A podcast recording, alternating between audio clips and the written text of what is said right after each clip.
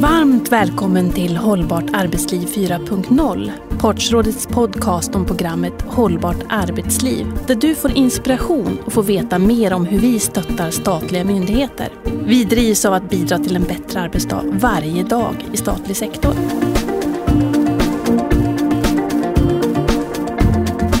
I dagens avsnitt pratar vi om hur man arbetar mot resultat och effekter och vad det betyder för programmet Hållbart arbetsliv. Jag heter Emilia Liljefrost och är programchef.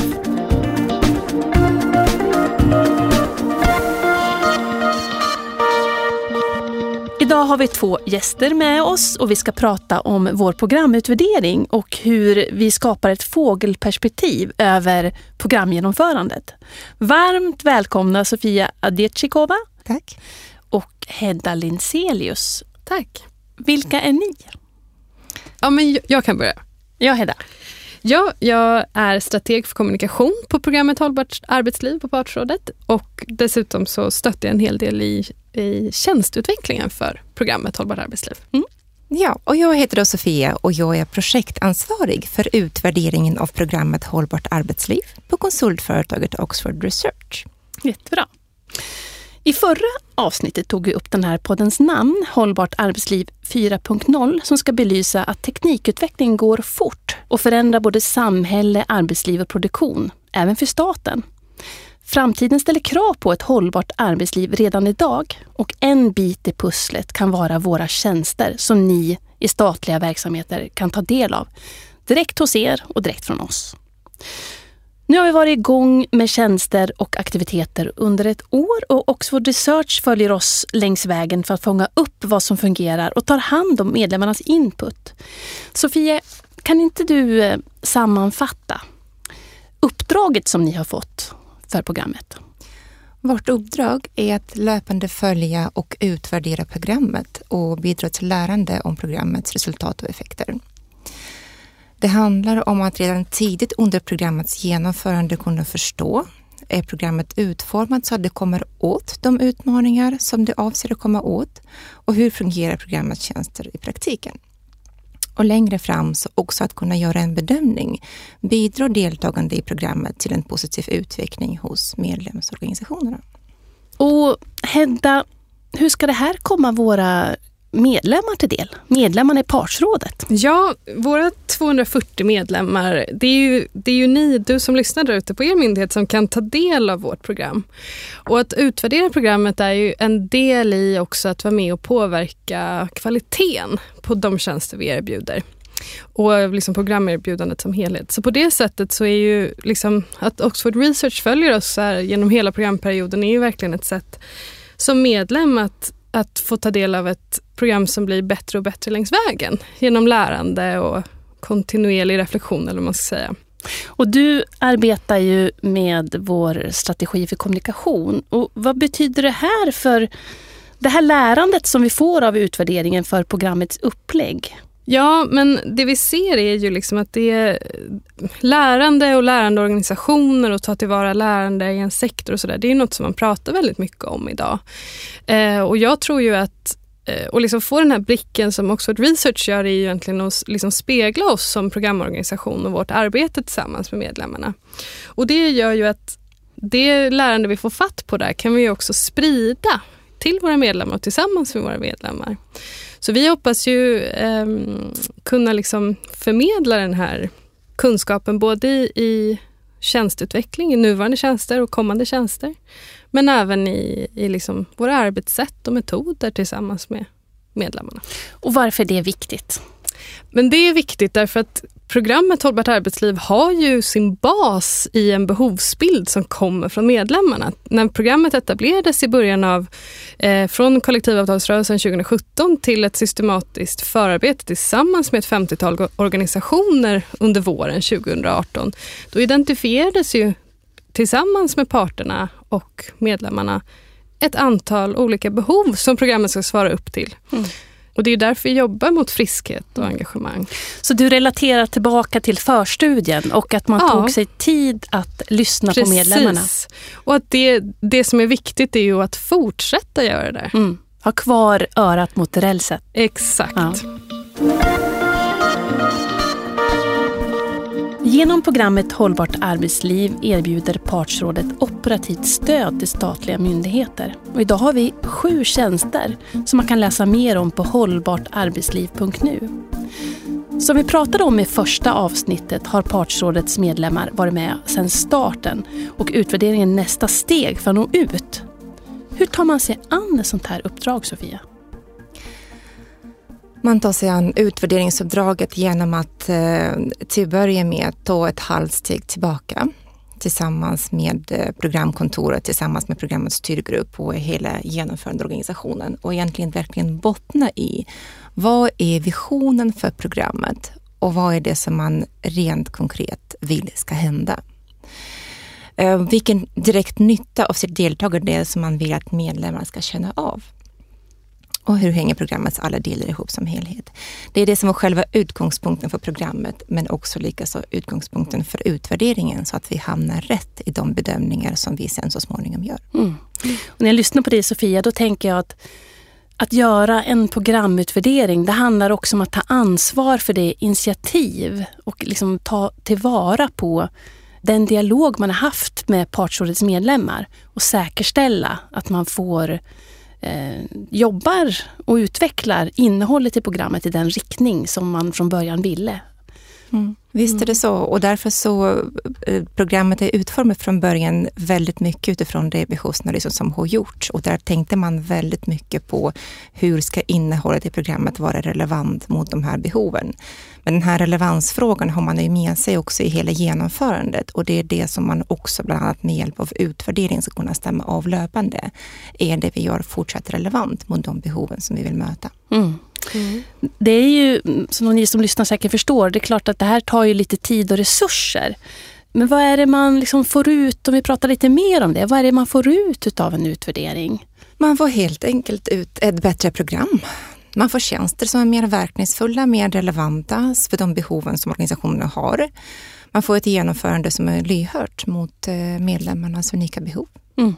Vill du fylla på något, Hedda? Ja, alltså jag, det jag kan slås av i relation till programutvärdering och programmet som helhet är ju att vi har det vi erbjuder det har ganska olika typer av tjänster och det kanske vi kommer in på mer senare.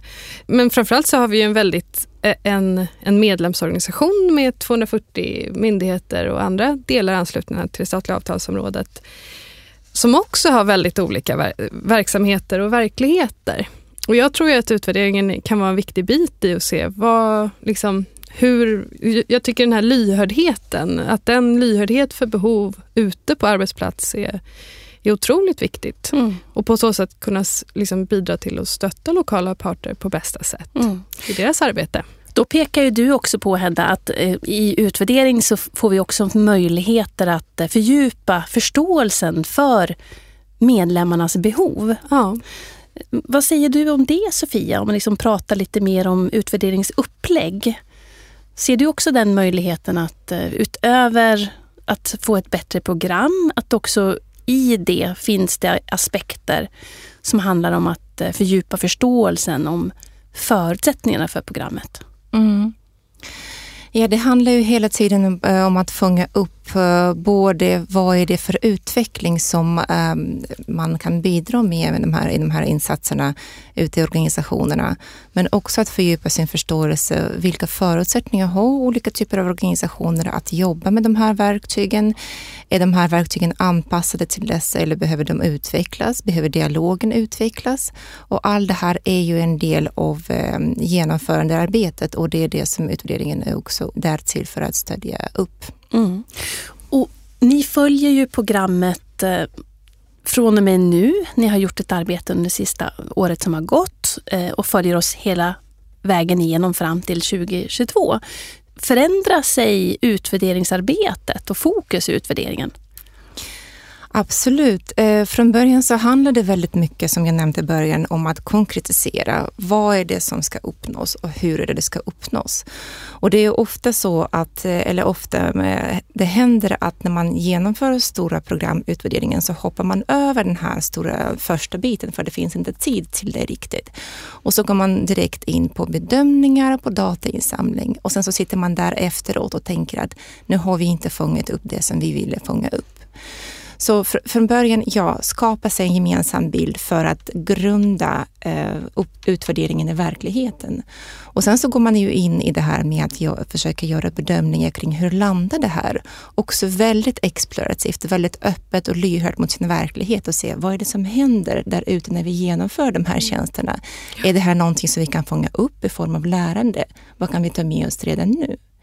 Och sen så kommer vi givetvis eh, mycket längre fram kunna gå in och se vad är det för utveckling verkligen har bidragit till? Och då kommer vi kunna titta på eh, den utveckling som har skett hos medlemsorganisationerna. Hedda, om vi, liksom, hur, hur ska man se på den här utvärderingen som eh, statlig verksamhet? Eh, vad är det som blir utvärderat? Är det medlemmarna? Nej, jag tycker faktiskt det är väldigt viktigt att fånga in det här att det är ju inte, man blir ju aldrig granskad som medlem via utvärderingen eller ska känna sig liksom utpekad eller sedd eller så, utan det man gör är ju att det är ju programmet som blir granskat och utvecklat för att nå sin potential hos medlemmarna.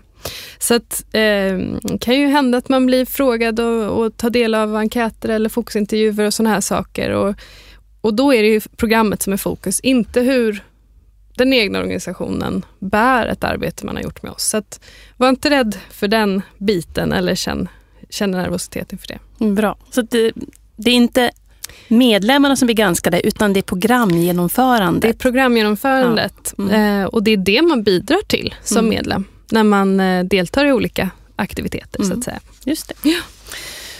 En viktig bit i utvärderingen är ju att den tydliggör vad vi erbjuder våra medlemmar. Och våra tjänster faller ju inom våra fyra målflöden. Proaktivt och reaktivt arbete för friska arbetsplatser och arbetsplatser som främjar engagemang, lärande och karriär. Och vi har ju idag översatt de här flödena i sju tjänster. Men vad betyder det i praktiken? Sofia, när ni eh, tittade på det här som du beskrev nyss om förutsättningarna att nå programmål samt vilka de här programmålen är. Då har ju ni delat upp de här erbjudanden vi har i tre stycken olika inriktningar. Vilka är det och vad innebär de? Precis, det stämmer. Eh, vi har sagt att programmet verkar längs tre olika, det som vi kallar för effektspår. Eh, och de är agendasättande, organisationsutvecklande och team och individutvecklande. Eh, så i princip det vi kan se är att programmet verkar i tre spår på ett sätt som ehm, kompletterar varandra för att tillsammans bidra till den långsiktiga visionen om friska och engagerade arbetsplatser. Just det. Och var kommer de här tre spåren ifrån? De går tillbaka till den här behovsanalysen som vi pratade om eh, i början. Eh, det som eh, har identifierats som de behoven eller gapen som finns hos de statliga organisationerna och det som de själva lyfter fram som sina största utmaningar kopplat till hållbart arbetsliv. Och i behovsanalysen så har man ju skilt mellan symptom på brist som kan skapa brister för det hållbara arbetslivet, mm. men också grundorsaker. Mm. Eh, vill du fylla på där Hedda? Ja, man kan ju säga så här att vi, vi brukar dela in våra tjänster i det som handlar om proaktivt och reaktivt arbete och där kan vi stötta organisationen och jobba efter en sjukskrivning har skett eller liksom arbeta för att ingen ska uppstå. Men sen det andra spåret om engagemang handlar mer om den här långsiktiga verksamhetsutvecklingen för att ta tillvara på liksom olika typer av engagemang för arbete men också lärande och karriär på sikt. Så mm. på det sättet så går man på lite olika nivåer. Mm.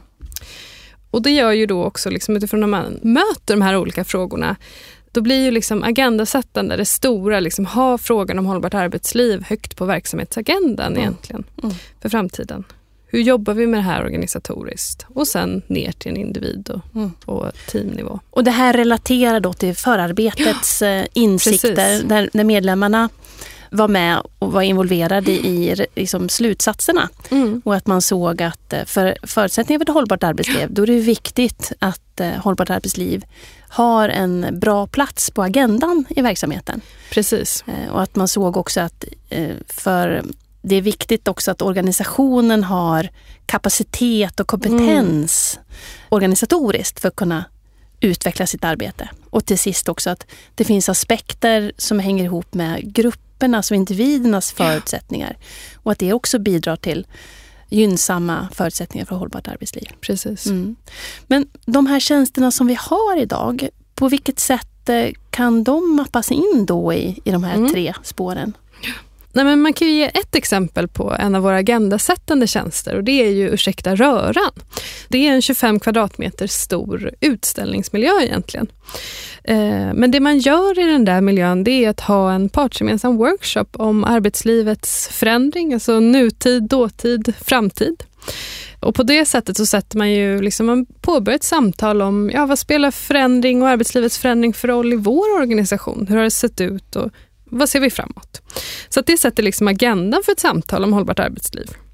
Sen så har vi ju en av våra organisationsutvecklande tjänster, det är ju IA-systemet som levereras av AFA Försäkring och eh, nu är tillgängligt genom Partsrådet till statlig sektor. Det är ju ett digitalt arbetsmiljömonitoreringssystem där man får eh, ja, eh, rapporter och, och som man sen kan liksom jobba vidare för arbetsmiljöarbetet i organisationen. Och sen på den team och individutvecklande delen av våra sju tjänster så kan jag ju nämna eh, effektiva team som är resultatet av ett arbete som Livsmedelsverket gjort enligt Susan Whelans teori för eh, teamorganisation eh, och utveckling. Och där har vi ju hur man då kan gå från teori till praktik egentligen för att arbeta i frågor som gäller just teambaserad organisation. Och det är också en populär tjänst där vi jobbar med ett stort antal myndigheter idag. Det finns ju sju tjänster idag och kommer utvecklas en fem till sex stycken under året. Så vi fyller på de här kategorierna med fler och fler utifrån medlemmarnas behov helt enkelt. Då har vi alltså tjänster som är framtagna utifrån en analys av behov hos medlemmarna i partsrådet. Men man kanske ska säga någonting om vilka förutsättningar som krävs om man ska jobba mot resultat. Om eh, medlemmarna ta del av våra tjänster så behöver ju det här tas vidare i organisationen. Det krävs särskilda förutsättningar för att det ska bli mer än en pausfågel, ett tomtebloss, utan verkligen bidra till att få hållbart arbetsliv att bli en fråga som ligger högt på agendan eller att bli en stödinsats som verkligen utvecklar och bidrar till utvecklingen av den organisatoriska kapaciteten eller för att stärka gruppen eller liksom medarbetaren. På vilket sätt kan utvärderingen fånga hur de här aktiviteterna och stödet vi erbjuder kan leda till faktisk förändring? Vad säger du om det, Sofia? Eh, nej men det stämmer verkligen eh, och det finns ju en hel del sådana här förutsättningar som du nämner. Eh, och eh, många av dem är, kan, det kan handla om liksom helt ehm, alltså organisationsspecifika faktorer. Det kan handla om eh, till exempel vilken erfarenhet en organisation har sedan tidigare och jobba med de här frågorna systematiskt eller att jobba med de här frågorna partsgemensamt. Det kan handla till exempel om hur stark eh, HR-funktionen är ute i organisationerna som att, eh, där man kan systematiskt jobba och driva de här frågorna framåt. Men det kan också handla om liksom i vilken kontext just den här eh, tjänsten um, hamnar. Eh, som ett exempel, är det mycket förändringsarbete på gång i en organisation samtidigt så kan det också uppfattas som ett hinder eh, till att initiera en process till. Eh, och därför så är det så himla viktigt att eh, programmet verkar på ett sätt som det är liksom designat från början. Att det dels är hjälp till självhjälp där organisationerna tar ägarskap och ansvar för den egna utvecklingsprocessen och dels där fokus ligger på att man inte ska initiera nya utvecklingsprocesser utan det handlar om att fånga upp, stärka upp och systematisera de processerna som pågår. Precis. Och för att gå in på djupet hittar du mer information om varje tjänst på hållbartarbetsliv.nu och där finns även intervjuer och filmklipp med både myndigheter och tjänsteleverantörer som berättar mer om hur det är att ta del och ta emot våra tjänster.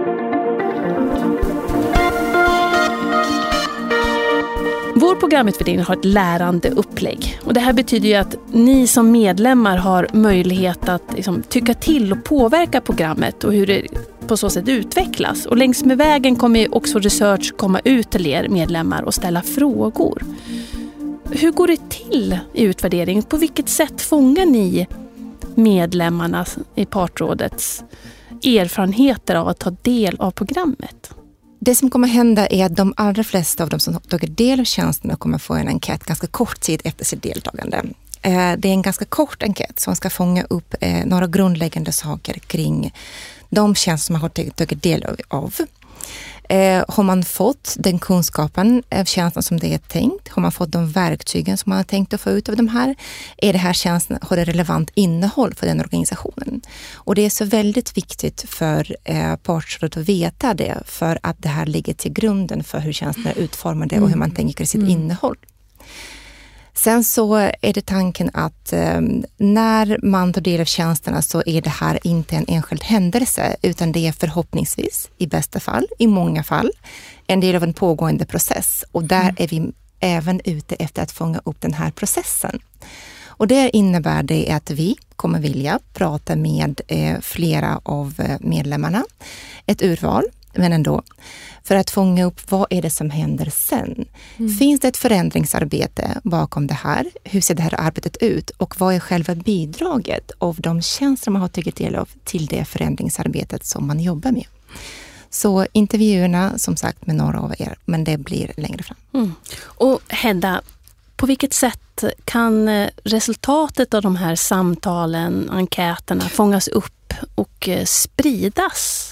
Jo, men eh, det var, jag tänker, jag jobbar ju med kommunikation för programmet och, och där har vi ju definitivt en klar ambition av att liksom kunna sprida de här erfarenheterna till andra. Det är viktigt att ta fram de här goda exemplen. Vi har mycket att lära av varandra i staten och jag vet att många myndigheter tittar på varandra, samverkar och och, och lär sig av varandra. Och det vill vi kunna bidra till. Utöver att liksom förbättra de tjänster, då, då bidrar man ju till, svarar man på en enkät i förlängningen så, så um, hjälper man ju liksom till till nästa myndighet som ska ta del av den här tjänsten eftersom vi löpande utvecklar och förbättrar våra tjänster. Så man bidrar både till, någon, till, till andras potentiella liksom, framgång eller kvalitet och sen också det här med att vi kommer kunna fånga liksom, goda exempel att dela. Just det. När man har tagit del av en tjänst, då kommer ju deltagarna att få en länk som de ska svara på så att de kan ta del och svara på en enkät. Varför det är viktigt? Ja, det är alltså, lätt att känna att det känns ja, tomt. Men tror... vad är det som händer? Varför är det här centralt och viktigt? Här skulle jag vilja ge ett, ett litet exempel. För eh, Jag läste om någon forskningsstudie nyligen som hade forskat på det här med hur vi upplever mat på restaurang. Och Då var det en studie som visade att Eh, ja, om vi har fått se hur maten lagas, ta del av kockarnas arbete, så upplever vi maten mycket godare. Man jämförde med olika grupper, de som hade fått se och inte fått se liksom hur tillagningsprocessen såg ut och känna sig delaktig i den. Och Det här är liksom inom en, ett fält som kan kallas radikal transparens. Att organisationer visar upp eh, för dem de jobbar med vad de gör. Och På det sättet så, så kan jag se det här på det här med enkäter också. Att ja, det är ju mitt bidrag till att komma med input och vara del i liksom, eh, samskapandet tillsammans med, med organisationen. Och I det här fallet så skulle jag vilja säga att om du där som tar del av våra tjänster svarar på de här utvärderingsenkäterna så är ju du del i hur vi lagar maten. Och På så sätt kan ju vi också liksom sprida de här goda exemplen och lärandet från hur det går till vår mat är ju de tjänster vi levererar och våra arbetssätt och sådär. Hur de kommer då de som får äta, eller i det här fallet ta del av våra tjänster, till gang. Liksom. Så att eh, det möjliggör oss att vara transparenta och dela med oss av vad vi gör, precis som det är ett verktyg för att ge input. Och jag kan fylla på här kring det som Hedda säger. Jag tror att det som är transparensen som Hedda tog upp är väldigt, vikt, väldigt viktigt. Att man visar upp vad man gör, hur man gör, varför man gör. Kanske också visar upp vad det är som är svårt. Mm. Eh, det att organisationerna får föda in sin feedback, det är oerhört viktigt och särskilt när det kommer in ganska snabbt i den här ja. matlagningsprocessen så att man liksom kan göra just den här rätten bli godare redan ja. nu. Men det, det, handlar också om att ju mer kunskap man skapar kring hur det här arbetet fungerar, vilket är ju genuint svårt, mm. desto mer skapar man eh, kanske eh, förutsättningar för att byta ut lärande, eh, utbyta lärande mellan varandra. Det jag tänker på är att visar man på att det finns erfarenhet kring programmet och här finns ett antal utmaningar, så kan man ju jobba med det här tillsammans. Man kan, det här kan bidra till en dialog mellan medlemmarna. Ja. Här borde vi kanske göra någonting tillsammans för mm. att vi har liknande utmaningar utmaningar och vi har utbyte mm. av varandra. Verkligen. Mm. Och ni sätter ju ord på det här med att vi har ju valt att utvärdera programmet på ett sätt som gör att lärandet kommer medlemmarna till del. Och det betyder att ni som partsgemensamt tar del av våra tjänster ute på myndigheten också kan påverka hur det ser ut framöver. Och vi ser redan nu att det finns stor efterfrågan för att lära sig av varandra mellan myndigheter och det vi vill fånga upp. Men liksom, hur ska vi göra det här Hedda? Liksom, kan du ge något exempel, konkret exempel på hur vi kan mm. skapa möjligheter för lärande för ja. medlemmarna i partsrådet? Ja, men en viktig del i det här som vi faktiskt arbetar nu på att ta mm. fram under 2020, det är lärnätverk för eh, medlemmarna utifrån olika tjänster. Till exempel just nu så är ett lärnätverk om IA-systemet under uppbyggnadsfas. Eh, vi vet att det finns ett intresse också för att liksom diskutera lärdomar och utbyta erfarenheter utifrån tjänsten Fånga tidiga tecken. Vi har ju också ett lärnätverk redan för de myndigheter som är med i tjänsten Effektiva team. Så det är ju något som vi verkligen arbetar på aktivt, att möjliggöra den här typen av lärande, erfarenhetsutbyte. Det börjar bli dags att runda av och vi har tid för några sista medskick. Hedda, om du skulle skicka ett budskap till våra medlemmar om lärande och utvärdering, vad skulle det vara då? Mm. Jag har två medskick. Mm. Det första är ju liksom att vi i programmet Hållbart arbetsliv vi är, och, och Partsrådet som helhet ägs ju av er medlemmar. Det är ni, ni är våra ägare och vi vill Eh, att ni får det bästa möjliga stöd i ert lokala partsgemensamma arbete. Eh, och då är det ju viktigt att ni kommer med input så vi kan fortsätta den här dialogen om vad som, vilka behov. Vi hade vår förstudie. Det här är liksom, ger själva möjligheten att ta del av det lärande och erfarenhetsutbyte som vi försöker skapa forum för också. Mm. Har du ett sista medskick till oss också Sofia? Nej, men jag tänker bara liksom spinna vidare på det som Hedda sa nu. Eh, för att eh, alltså, man eh, måste komma ihåg att Hållbart arbetsliv är ett extremt ambitiöst program som kom till på initiativ av centrala parterna och liksom alla medlemsorganisationer. Och det, det här är i, på många sätt så bryter man ny mark här med mycket stöd inom ett antal väldigt angelägna områden. Men mycket av det här är väldigt nytt. Så därför är mitt medskick eh, till medlemmarna, till alla som deltar i programmet, det är att var, var generösa med er eh, input. Eh, bidra till lärande. Jag tror att det kommer komma tillbaka till er på många, många bra mm. sätt. Stort tack till er idag, Hedda Linselius och Sofia Adetjikova. Tack. Tack. Är du nyfiken på vårt program och våra tjänster? Se till att gå in på hållbartarbetsliv.nu för att läsa mer om programmet, våra tjänster och hur ni på er myndighet kan göra för att ta del av dem.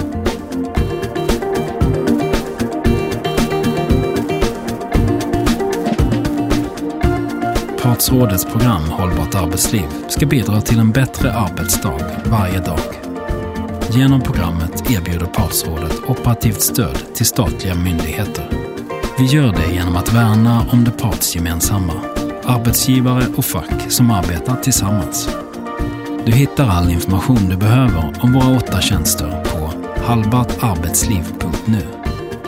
Där kan du göra en intresseanmälan för att få veta mer om tjänsterna och ni kan tillsammans, partsgemensamt, göra ett digitalt avrop på de tjänster ni vill ta del av.